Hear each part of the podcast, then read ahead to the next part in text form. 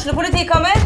Ine Jansen er purk. Er du purk? The motherfucking bitch. Alt jeg vil, er å finne ut hva som skjedde med mannen min. Jon Carew. Er jeg sikta for noe? Iben Akeli. Det er du. Ole So, Lars Berrum og Big Daddy Karsten. Hvem sin side er du på, egentlig? Anette Hoff, Tone Danielsen, Kommer du fra Afrika?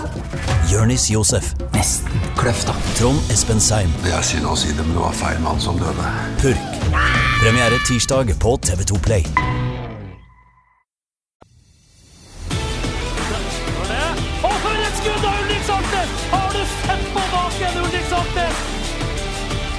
Og så er det skåring! Og så skårer Bodø-Glimt!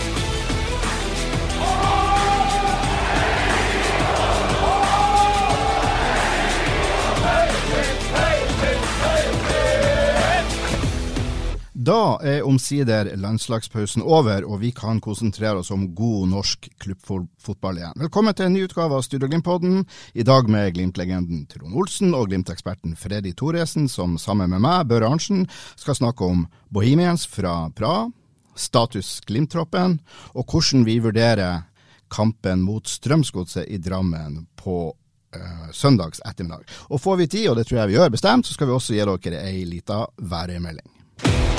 Og så er det skåring! Og så skårer Bodø-Glimt! Første motstander i Europa i eh, 2023-2024-sesongen er klar for Bodø-Glimt. Det ble Bohemians eh, fra Praha. Og Trond, gleder du deg til å dra til Eller til å se de? Vi skal først se de i Bodø. Ja, det gjør jeg. Eh, Europa er jo alltid noe spesielt, og det blir eh, gøy å få i gang europafotball igjen i, i Bodø, og ikke minst i Europa og, og resten av verden. Så eh, det blir eh, spennende å se hva Glimt kan utrette i år. Eh, om de eh, klarer å komme seg langt, og om de klarer å komme seg inn i et gruppespill i Conference League. Det hadde vært eh, utrolig morsomt om det ble en sånn høst. Men det er vel ikke til å komme forbi at, eh, at Bohemians er ganske bra lag?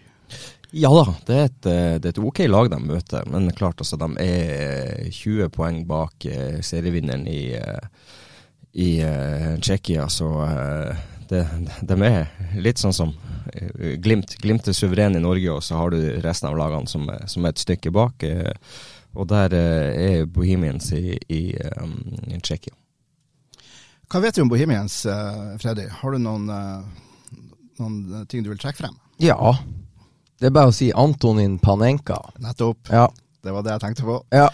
Og alle vet jo alt om han. Alle vet alt om Antonin Panenka, og det er jo uh, flere ting Uh, Det er flere ting med den der. Altså, han er jo Jeg vet ikke Altså, vi kaller det jo ta i Panenka-straffe, ikke sant? Og hva det var slags uh, ja, jeg så det på Aspmyra Live i går, faktisk. Jeg satt og skrev sak om Ulrik Saltnes, og så møtte Bodø-Glimt eh, G17, Haugesund G17, og Haugesund får straffe. Dommer Kjell Brekkan. Stillinga er 0-2, det er rett etter pause, ikke sant. Straffe til Haugesund. Og så kommer det en steike, en 16-17-åring, og tar ei sånn Panenka-straffe på, på Glimt-keeperen som sang i hjørnet. Han bare kippa straffa midt i mål som Panenka. Og, eh, så jeg vet da søren om han Haugesund-gutten der har fått med seg trekninga til Bodø-Glimt. eh, Rett i forkant og på en måte gjorde det for å beære Bodø-Glimt på sitt lille herslige vis. Men eh, han gjorde jo Antonin Panenka i en uh, finale i Europacupen i 1976 for Tsjekkoslovakia. Og det var jo sånn han eh, gjorde sitt eget navn kjent. Vi har, vi har vel en Panenka som ikke gikk så fryktelig Ja, godt for Glimt sin del i, i cupen i Mot- 2004, tror jeg Mot, det var. mot Brann, var det ikke det? Ja, Åsmund Bjørkan vil- kunne kanskje ha vært her og, og levendegjort den litt. grann. Ja, og jeg får det bare ikke til. Jeg tror jo bare Åsmund Bjørkan skulle være smart på straffa mot uh, Håkon Oppdal, og jeg er ikke så sikker på at han vet sjøl, eller visste sjøl, at det var en Panenka han faktisk prøvde på, som gikk så rivruskende galt på Aspmyra i cupen. Var du med da, Trond? Ja da, jeg var med da. Um, Kan du beskrive det? Ja, altså For det første så, så hadde vi jo kommet tilbake etter å ha ligget under eh, 0-2 mot, eh, mot Brann og fikk ekstraomganger og sto ekstraomgangene ut. Og så kom vi til straffekonken, og så, eh, så gikk Åsmund frem der og, og prøve seg på, på en Panenka. Men eh, sånn som jeg husker det, så, så var den så svak at Håkon Oppdal måtte gå tre skritt, skritt ut for å ta ballen. Ja. Ja, folk forlot jo Aspmyra den, eh, den eh, kvelden der, hoderystende og, nesten eh, sjokkert over, at, over, over den straffa. Jeg tror ikke det der er et av Åsmund sine st- stolteste øyeblikk. Eller det er vel ganske åpenbart at det ikke er det. Men det var en enorm skuffelse. Ja, det var det. Men eh, nok om det. Ja, Nok om det, vi er ferdig med det. Ja, altså, Bohemians er et slags Det er Praas eh, lille versjon av St. Pauli er jo et slags kultlag i Hamburg, ikke sant. Du har Hamburger Sportsverein, og så har du St. Pauli, og St. Pauli er kultklubben i Tyskland. Så er, det sies at Bohemians er liksom den lille kultklubben i byen Praha. Du har en, av de, Praha. en, en av de mest populære klubbene i, i Tsjekkia.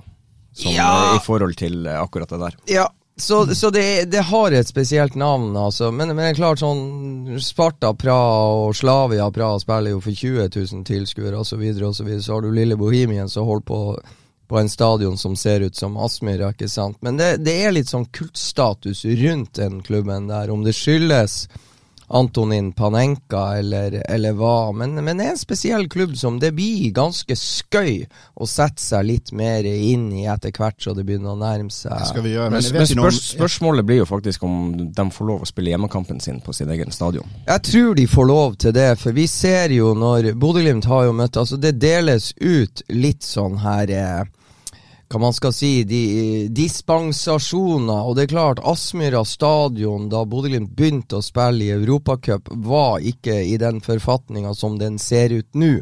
Så én ting er å ta imot europacupkamper i et gruppespill. En annen ting er det å ta og spille europacupkamper i kvalikspill. Og hvis man minner om den banen Bodø-Glimt møtte på Færøyene i Klaksvik, så er den i jævlig mye dårligere forfatning enn hjemmebanen til Bohemians.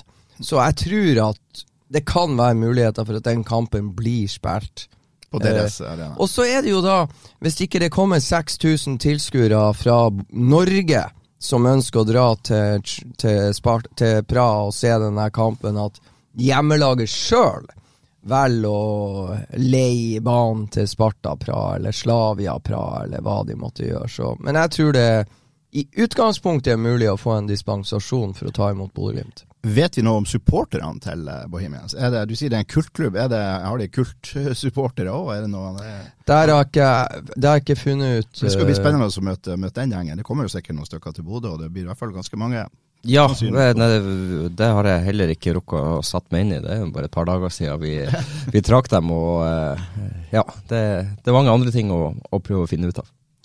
Vi skal komme tilbake til Bohemians og den første europacupkampen til Glimt flere ganger. Den spilles, første kampen har spilles iallfall torsdag 27.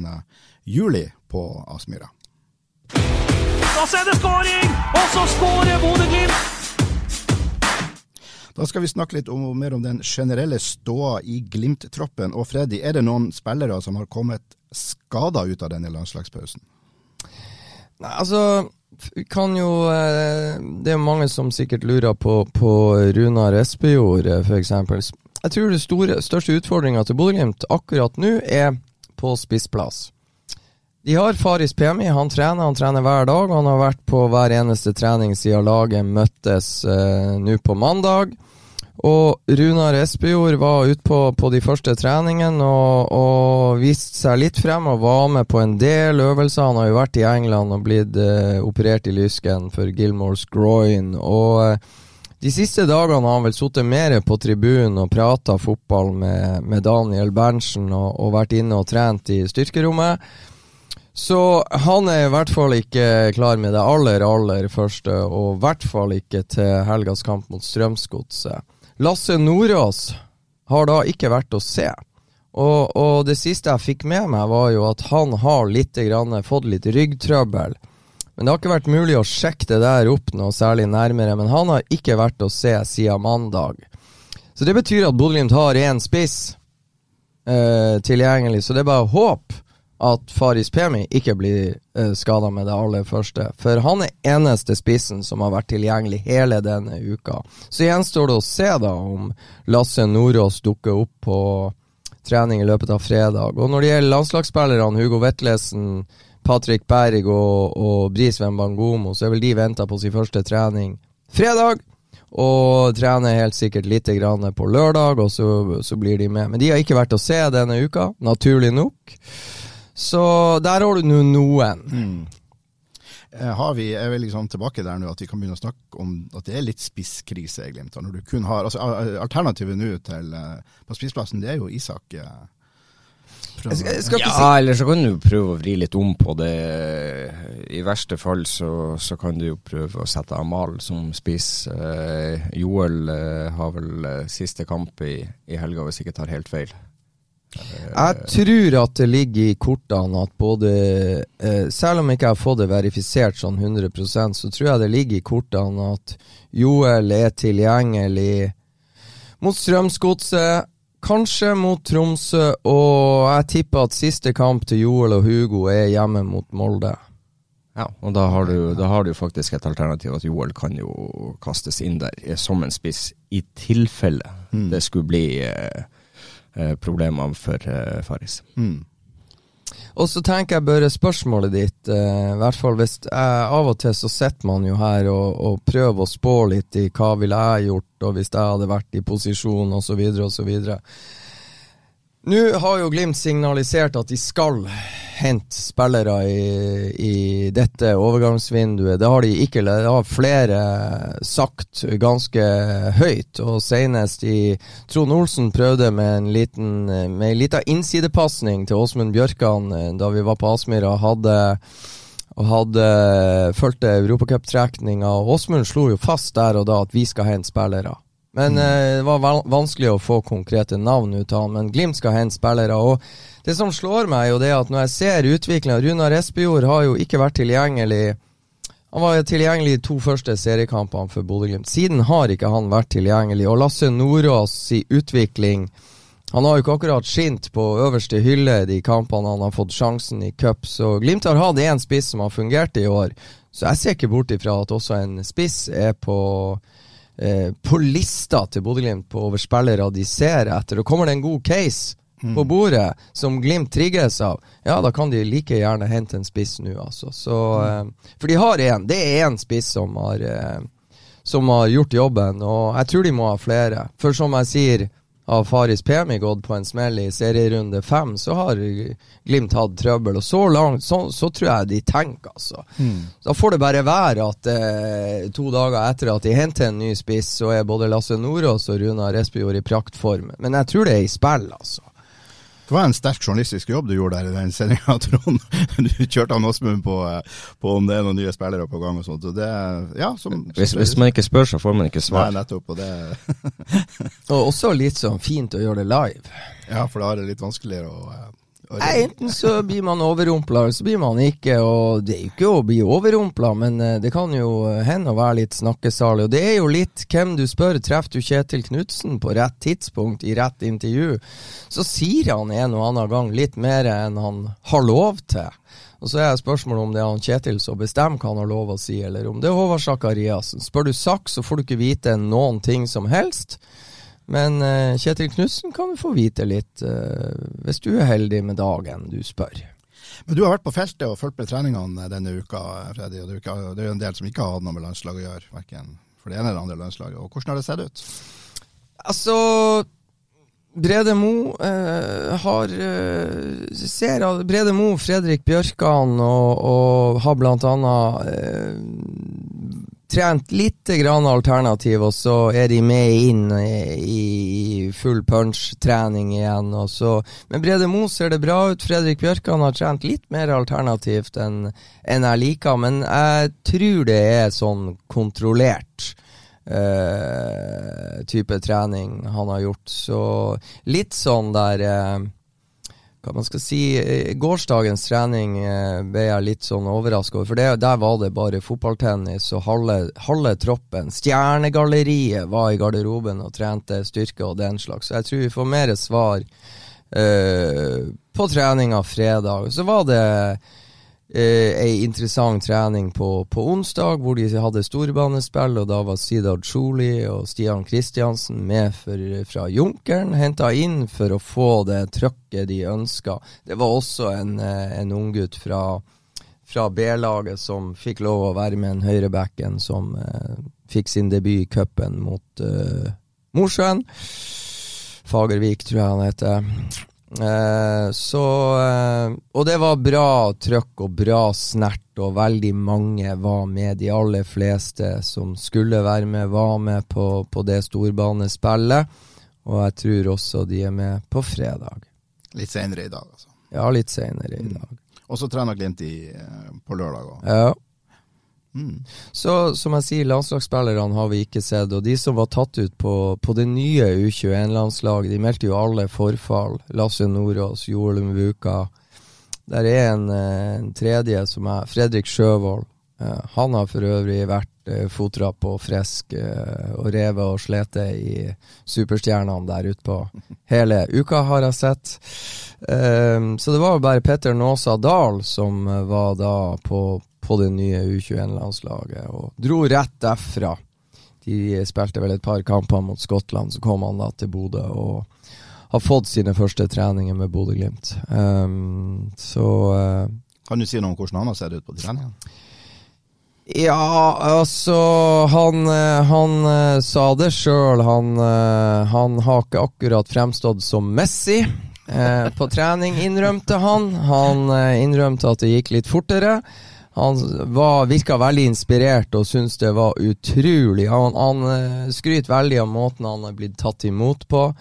Og han, eh, han er litt artig, Peter Nåsa, for eh, han, han legger ikke skjul på at det er jævla stor stas å komme på trening og se alle disse stjernene som han frem til da kunne ha sett på TV. Og har sett de mye på TV.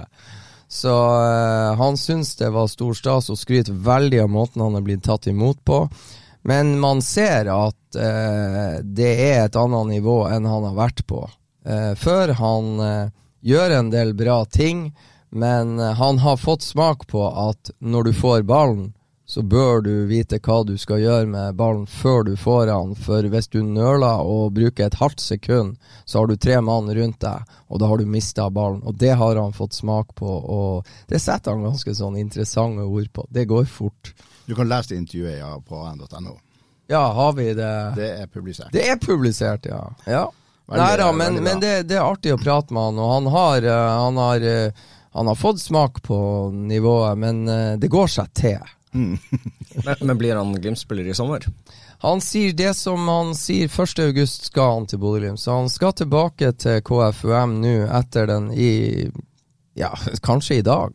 I morgen slutter slutte seg til KFUM-troppen. Så skal han være ju, juli måned sørpå, så han ønska ønsker å komme oppover 27. og se kampen mot Bohemians, og da være klar 1. august. Ja. Spennende. Ja. Og det der kan endre seg. Det kan godt hende hvis Glimt har henta fire spillere i overgangsvinduet, så kan det hende de gjør om at han lånes ut hele høsten til KFUM. Men akkurat nå så er planen han skal hit 1. august. Ja. Er det noe mer da å si sånn generelt om, eh, om stall og ståa? Ja, altså Ulrik Saltnes eh, har jo da, eh, som også vi hadde et intervju med i nylig Det kom vel ut i går, det, eller torsdag kveld. Han har eh, Han har trent to tøffe treninger, fotballøkter, og kroppen har respondert veldig bra på de to treningsøktene. Men han sier òg at han har prøvd det der noen uker før ferien å være med på to treninger. Da responderte ikke kroppen like bra som den hadde gjort i går, når jeg prata med han. For i går var det da dagen etter de to øktene. Men eh, nå har kroppen respondert sånn som han ønska, og så er det all in, da. Fredagstrening og lørdagstrening, og så er han veldig spent på hvordan kroppen kjennes på søndag. Så det er en sånn her eh, innkjøringsfase som vi har snakka om, som han er midt i nå, og som eh, Sondre Brunstad Fet har stått i. Og jeg registrerer at uh, Sondre Brunstad Fet har fått en liten sånn kroppslig reaksjon på de innhoppene han har hatt. Det har jeg snakka om før. Han fikk ti minutter mot Viking som ble til 20. Han fikk et innhopp mot uh, Vålerenga på Intility. Og de to kampene Glimt har spilt etter Vålerenga på Intility, har ikke Sondre Brunstad Fet vært tilgjengelig for tropp. Rett og slett for å ikke bli overgrådig og for å, for å på en måte spare kroppen for den eh, der belastninga. Den, den trenger litt tid. Og det går på de her fotballbevegelsesbelastningen, start-stopp. Det er en ting å trene rett frem. Det er noe annet når du, når du skal opp i full spurt så ofte som du skal. Det var en av de tingene Petter Naasa la merke til. Desken, spillerne i Bodø-Glimt er oppe i full spurt, steiker ofte på trening. Og, og det er noe sideveis eh, høyre, sideveis venstre, rygging og, og takling og, og det ene med det andre. Så det tar litt tid når du har vært ute i Sondre Brunstad Fet sitt tilfelle ett og et halvt år uten kamptrening. Og, og, Ulrik Saltnes nå, det er jo faktisk åtte måneder siden han har vært i normal fotballtrening. Det er oktober i fjor. Så, men de er på rett spor, da. Og så så jeg det siste, selvfølgelig, da, og det er jo ikke så bra. Morten Konradsen var jo med på mandag, tirsdag og onsdag, og i løpet av onsdagstreninga så beveger han seg ut av feltet og går bort til det medisinske apparatet, og har siden trent alternativt. Så det er konstant i utvikling, det der. Men de har en fyldig tropp og en bred tropp, så det er jo til enhver tid ganske mange til stede. Og så er det skåring! Og så skårer Bodø-Glimt! Søndag så skal Glimt spille sin tolvte seriekamp før sesongen. Og kan det tenkes at vi får årets første tap, Nei. Trond? Nei. Nei, nei, nei. Du er helt sikker? Glimt får ned dit. De er i eh, såpass god form. eh, Har eh, mye gode spillere tilgjengelig. Selv om det er noen skader der, så, så den startelveren de har, er, er så sterk at eh, jeg tror ikke Godset er i nærheten til å kunne slå Glimt. Såpass? Ja. Eh, du sier de har en sterk startelver. Hvordan tror du den blir seende ut? Som vanlig, nesten. Ja. Det blir vel Nikita i mål, og så vil jeg tro at det blir eh, Brede Lode, eh, Fredrik og Bris, Patrick, Hugo Albert, Faris, Joel og Pelle. Er du helt 100% enig, Freddy? Trond følger godt med i timen, og, og der det kan være litt eh, Litt grann spørsmål og justering er venstre back Adam Sørensen versus Fredrik André Bjørkan, alt etter hvordan Fredrik sin hamstring responderer på de her to siste dagene, men jeg er ikke bekymra uansett om det blir eh, Fredrik André eller Adam. Det tror jeg blir like bra. Eh, og så tror jeg Trond er spot on på resten. Bris er vel uh, uangripelig akkurat nå. Det virker som han har tatt skikkelig tak i den plassen som, som høyreback. Og Ja. hadde et fantastisk innhopp uh, de minuttene han fikk uh, mot uh, Kypros. Ja, Til å være debut så syns jeg det var veldig positivt og bra å se. Jeg ser ikke at han gjør så veldig mye feil. Og det at eh, eksperter sør i landet ikke oppdager at eh, Bris blir satt i en kjip posisjon fordi at Sander Berge gjør en håpløs involvering som gjør i, i eh, Når Norge er i ubalanse, så prøver de andre å rydde opp så godt de kan. Og så Nei, Bris var god. Eh, ingen tvil. Og, og Bris er god, og det har jo vi visst. Og, og han får jo bare skinn mer og mer og mer på høyre backplass. Så uh, Og det ser vi jo. Han har jo tatt, tatt noen viktige steg, og han har hatt en, eh, en tendens til å ha en del sånne pasninger som har uh, blitt gått redd, rett i bruddet. Og dem ser vi bare mindre og mindre og mindre av nå, og det, det gjør nok at han også tar steg som spiller og har mer selvtillit. og han blir eh, vanskeligere å stoppe. Så um, han syns jeg har en veldig positiv utvikling og blir bare bedre og bedre.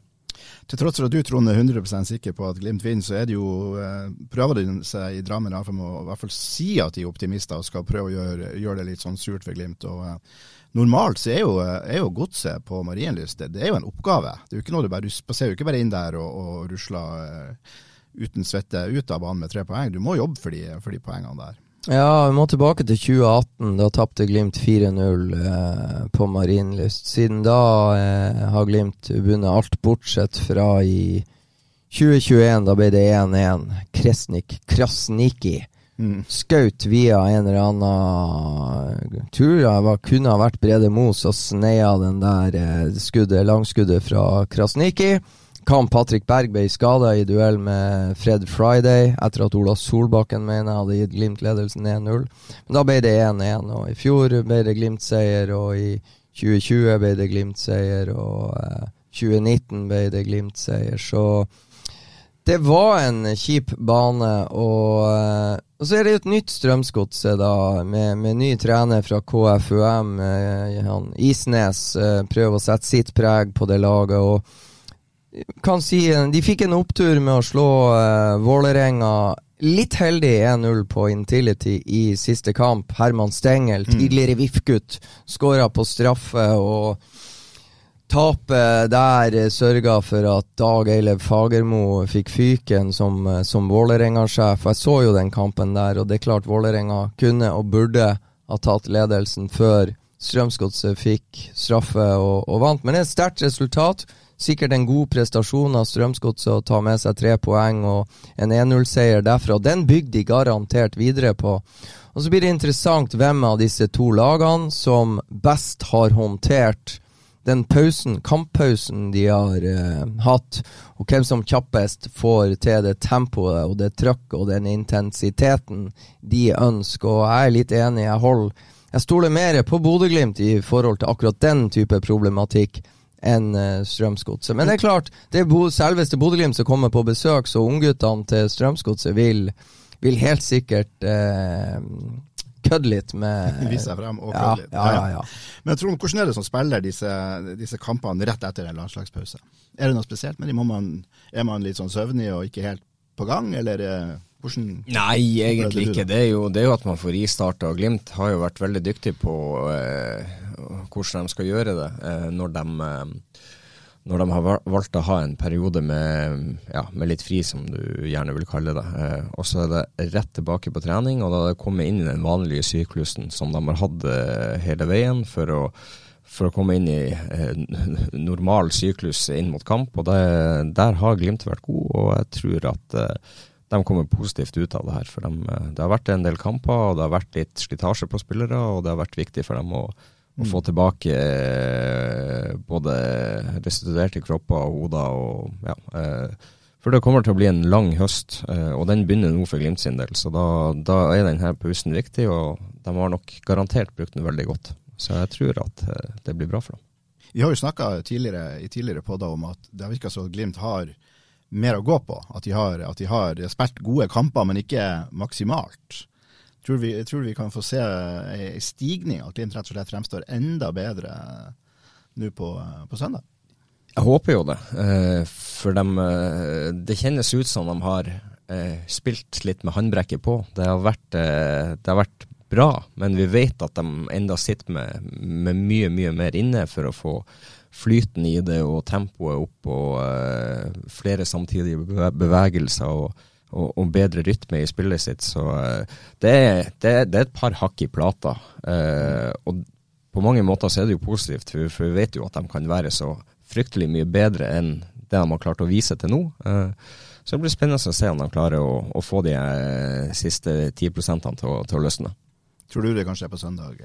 Ja, jeg tror, jeg tror de kommer ut i god forfatning eh, på søndag. Jeg tror de kommer til å gjøre en, en, eh, en god kamp. Og så gjenstår det å se om det er godt nok. Eh, og så tror jeg de blir enda bedre på onsdag enn de var på søndag. Og så tror jeg de blir enda bedre når Molde kommer på besøk etter det. Jeg tror det blir sånn der stigning i programmet for Bodø-Glimt i de tre kampene som kommer nå.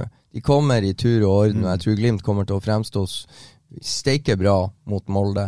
Eh, eller bedre mot Molde enn en på søndag mot Strømsgodset. Så mitt spenningsmoment ligger i hvor gode er de på søndag, og jeg tror de kommer til å være gode. Så det er spørsmålet om Strømsgodset kommer til å være bedre.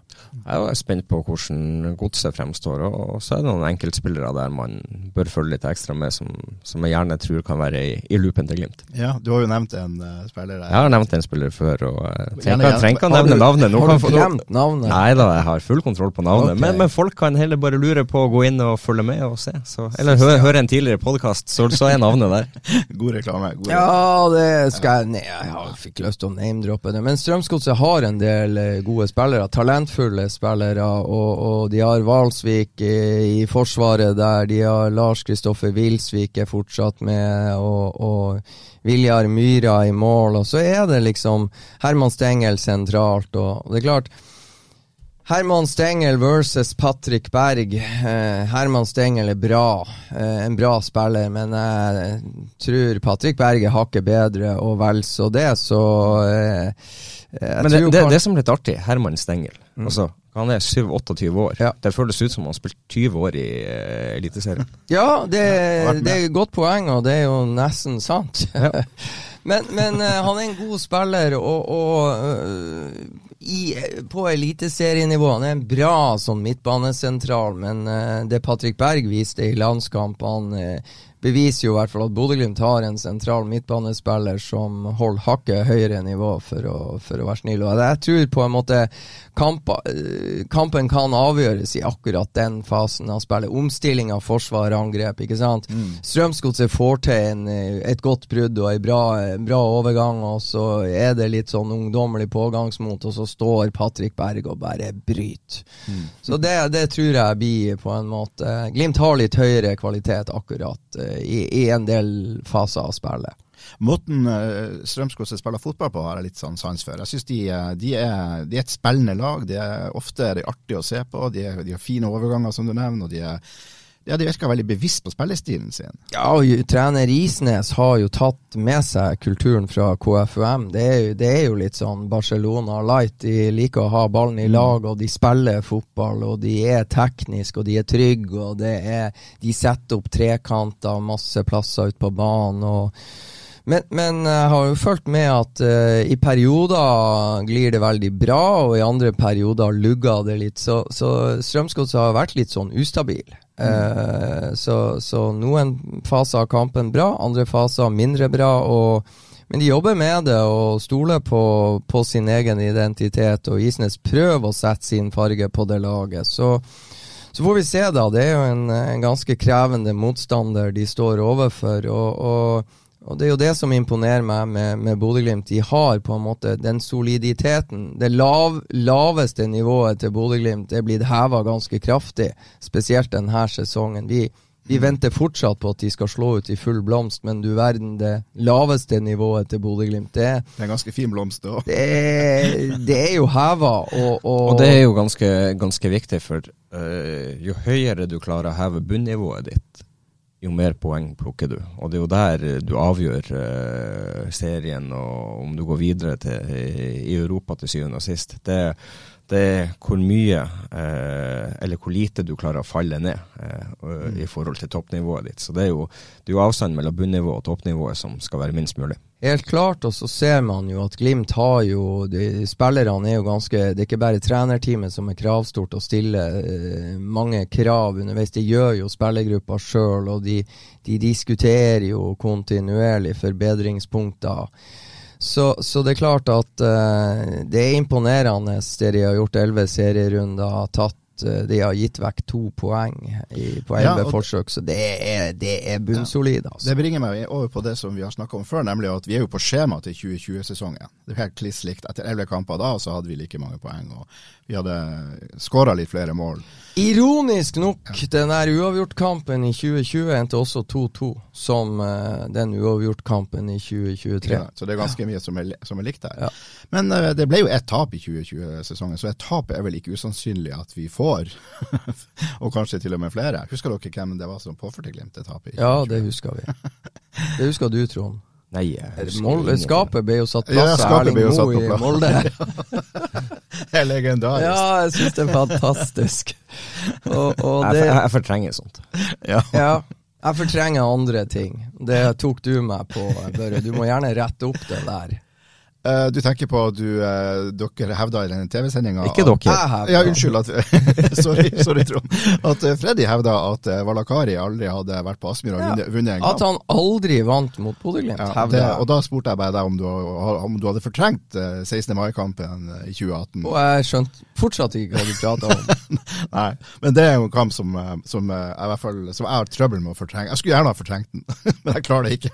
Jeg bare vet at Runar Espejord skåra, jeg vet ikke noe mer. Nei, akkurat. Nei. Hvem er det som var trener for TIL da? Det var eh, det nevnte Å, det er så, steike artig! Det er bra du tok det opp, for etterpå det, det var jo det, det var, Da gikk vi jo inn i en periode, ikke sant. Det, det, det, det var en eller annen oppe i Lyngen, har jo Ghana Simo Vallakari og Tromsø og alt etter det de gjorde på Aspmyra den 16. mai-kampen. For Bodø-Glimt vant jo returen oppe i Tromsø. Og så kom det en sesong hvor de spilte tre-fire treningskamper. Og det ble jo bråk fordi at de bare møtte hverandre osv. osv. Og Bodø-Glimt vant, og de vant, og de vant, og de vant. Og de vant. Og de spilte så mange treningskamper, og de vant så mye, Bodø-Glimt, at det er faktisk litt vanskelig å gjenskape det der eh, statistikkene på det der. For eh, ja, La oss holde treningskampene unna. i ja, men fantastisk artig. Ja, ja. Altså ute på i, i Lofoten, og Kasper Øyvand skårer mål, og Nei, for Glimt, vet du. Ja, Nei, er så fantastisk. Filip skåra. Nei, det var Og så kom den her 4-0-kampen hvor Runar Espejord leverer tidenes intervju på Aspmyra. Det er jo bare å gå på YouTube og se. altså. Hvis du er i dårlig humør, så er det bare å søke Runar Espejord Aspmyra og se det intervjuet han serverte til TV 2 etter at Glimt tok ledelsen etter to minutter ved Filip Sinkernagel. Træsja til 4-0, og Runar Espejord leverer i pressesona etterpå. Ja, det anbefales å lete opp det intervjuet der. En, en sterk sak. Men når, vi, vi snakka i sted om det, skal, det som skal skje den neste uka. Altså Vi har tre kamper på, eh, på rad nå. med altså altså Godset borte, og så har de Tromsø hjemme, og så har vi Molde hjemme. Det er jo, ei- ei helt spinnvill uke vi går i. Vi Det er en deilig uke Ja, her. rett og slett. Det jo, kan det bli uh... Nei, bedre blir det ikke. Nei, det jo Og du gleder deg, og du Ja. gruer deg, du har forventninger Ja. og Nei, fytte rakkeren. Og det, det, er jo, det er jo fotball på sitt aller artigste. Altså, de som er ikke er interessert i fotball, de har det litt kjedeligere enn oss, Ja, det må tenker jeg. si. Det må lov å si. Eh, Og så er det jo artig, det er jo så mange som aldri har vært interessert i fotball, som begynner å bli interessert i fotball, og de blir jo helt nerdete. Og det er fryktelig mange. Ja. Altså, jeg må fortelle en eh, Vi er jo nede på quiz på mandag, og min gode venn Robert Nesheim han, han er på et, et quizlag bestående av noen damer, og det første spørsmålet til Knut Eide og Liv Åkenhaug er alltid et Glimt-spørsmål. Og så sitter ei eh, trivelig eh, ung dame på laget til han Robert, det har hun gjort i mange, mange år. Og, og Robert har drevet og svart på spørsmål nummer én, og så nå de siste årene så får bare Robert klar beskjed. Robert, ikke si det, ikke si det, jeg skal klare Glimt-spørsmålet. Ikke sant? Ja. Så, eh, og hun leverer. Hun leverer. Så jeg skal ikke name-droppe henne. Men eh, det er bare en sånn der lite bevis på at den der eh, fotballfeberen, den er kontinuerlig spredende rundt omkring. Jeg håper bare at alle de som nå eh, er blitt Glimt-supportere og Glimt eh, skikkelig nerder og sånt, at de tåler litt motgang òg. For den, fordi de, de som kommer, med, kommer med på laget nå, de har jo bare solskinn og medvind og masse poeng og seriegull. og ikke... Ja, det begynner å bli medbind ganske lenge. Ja, ikke sant? Det, det er fascinerende. De her eh, Jan Jeg fortalte om det før. Jan Eskil Severinsen har en sønn, han Magnus. ikke sant? Ung gutt, spiller på Hunstad, er fotballnerd som fy. Er på lørdagene på Aspmyra og ser Glimt-trening og sniker seg til å spille litt og skyte litt i målet på Aspmyra. Og, og det er klart, faren prøver å forklare guttungen at du eh, det er, har ikke alltid vært sånn som nå. Men ikke sant, gutten er ung og har bare opplevd ikke sant, fem år starter oppturen for Bodø-Glimt. Og det blir suksess på suksess på suksess på suksess. Han tror jo faren er idiot. For han kjenner jo ikke til noe annen virkelighet enn det her. Og det begynner å bli noen unggutter og jenter i Bodø som spiller fotball og er glad i fotball, som ikke kjenner til noe annen virkelighet. Så de har det fint, tenker jeg Børre. Ja, men så må vi jo, må vi jo se på det. Glimt har lagt et fint fundament for, for fremtida, og det bør absolutt være mulig å, å kunne bygge på det her både godt og lenge, hvis de mm. investerer fornuftig og eh, eh, klarer å fornye spillerstanden eh, regelmessig uten at det blir for store utskiftninger fra, fra år til år. Så, så tror jeg at det kan eh, Du ser for deg en 10-12 år nå der oppe i eh, Ja, du- blant de aller beste i Norge. ja, jeg ser for meg at du skal være et stabilt eh, topplag, og om du vinner serien hvert år, det, det er ikke sagt, men at du skal være eh, blant de tre beste hvert år i, i mange år fremover, det bør eh, være et soleklart mål for klubben. Ja, altså, og de har vært flinke, og de lærer, de lærer kontinuerlig. Og, det, og alle som er i nøkkelposisjoner i klubben, eh, har vært med på hele reisa. Det er Frode Thomassen, Inge Henning Andersen, Håvard Sakariassen, trenerteamet og, og også det øvrige apparatet i, i administrasjonen på Aspmyra. De lærer jo kontinuerlig i alle ledd.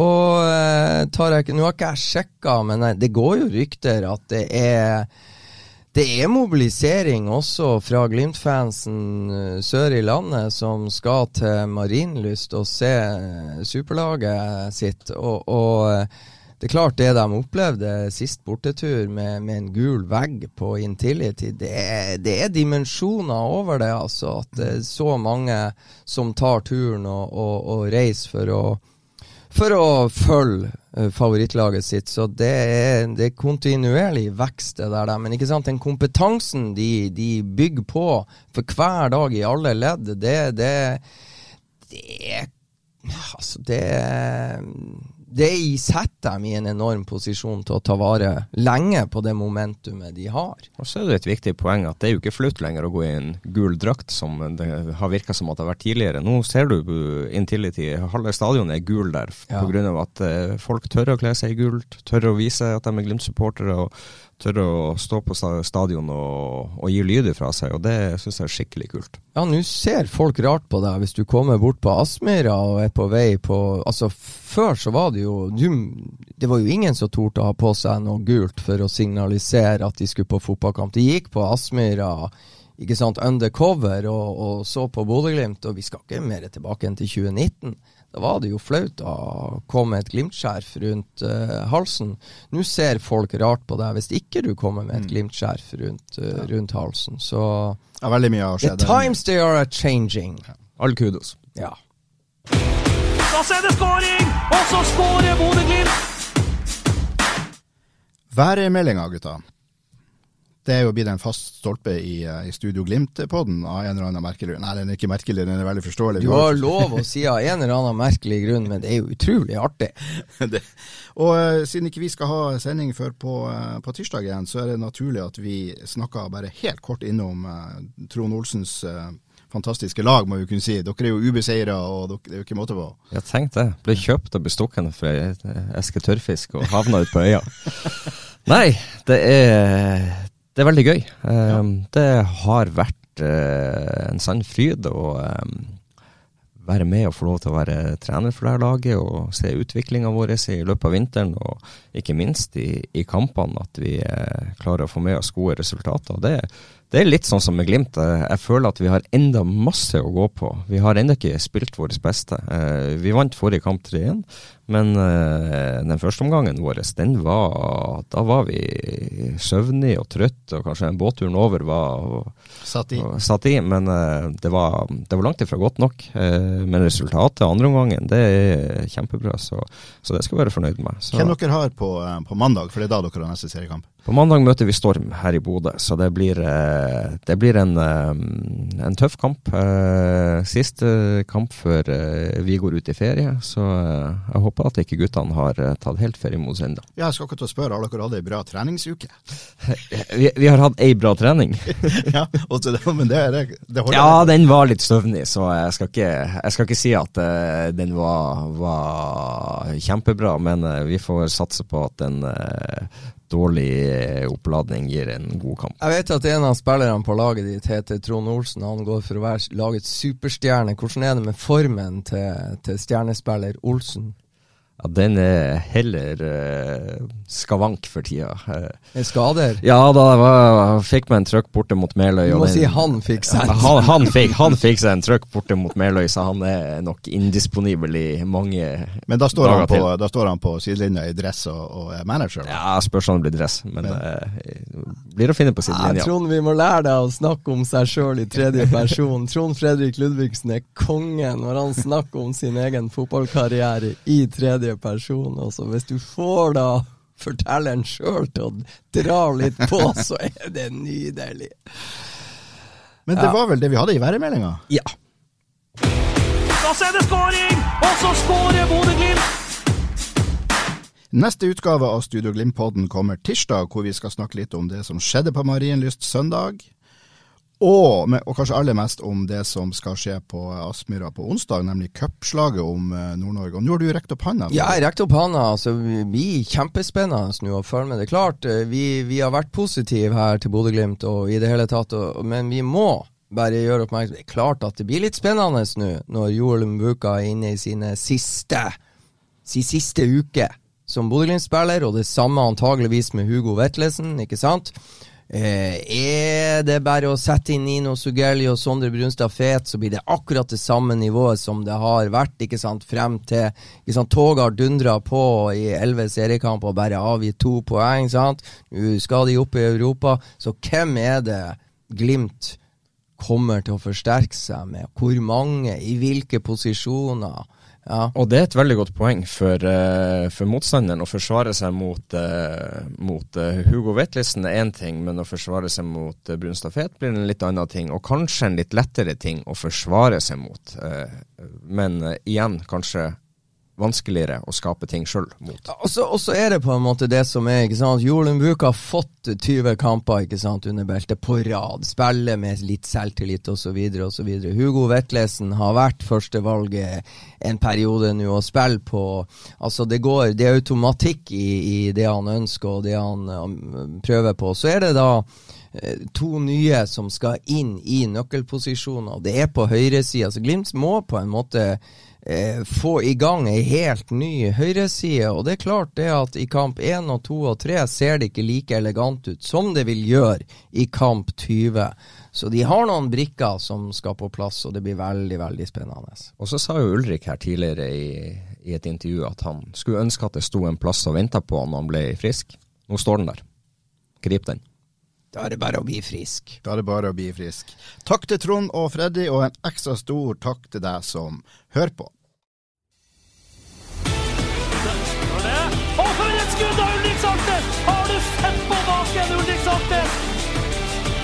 Og så er det skåring, og så skårer Bodø-Glimt!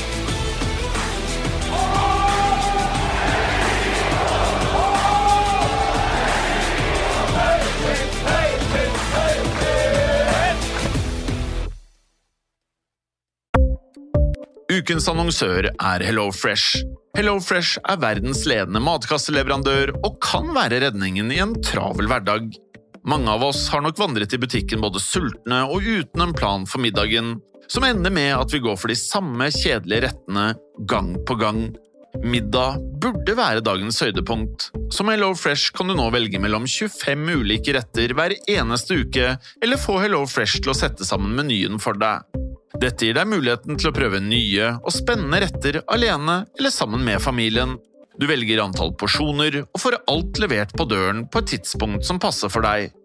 Oppskriftene er enkle, og maten er lett å lage både for store og for små.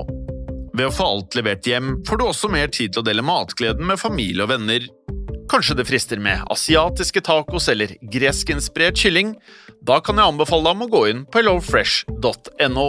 Her kan du bruke koden FOTBALL og få opptil 1779 kroner i rabatt på de første fem matkastene hvis du ikke har prøvd Hello Fresh tidligere. Du kan også bruke rabatten hvis du har vært kunde og stoppet abonnementet ditt for tolv måneder siden eller lengre. Gå inn på hellofresh.no og bruk koden FOTBALL. Har du et enkeltpersonforetak eller en liten bedrift? Da er du sikkert lei av å høre meg snakke om hvor enkelt det er med kvitteringer og bilag i fiken, så vi eh, gir oss her, vi. Fordi vi liker enkelt. Fiken superenkelt regnskap.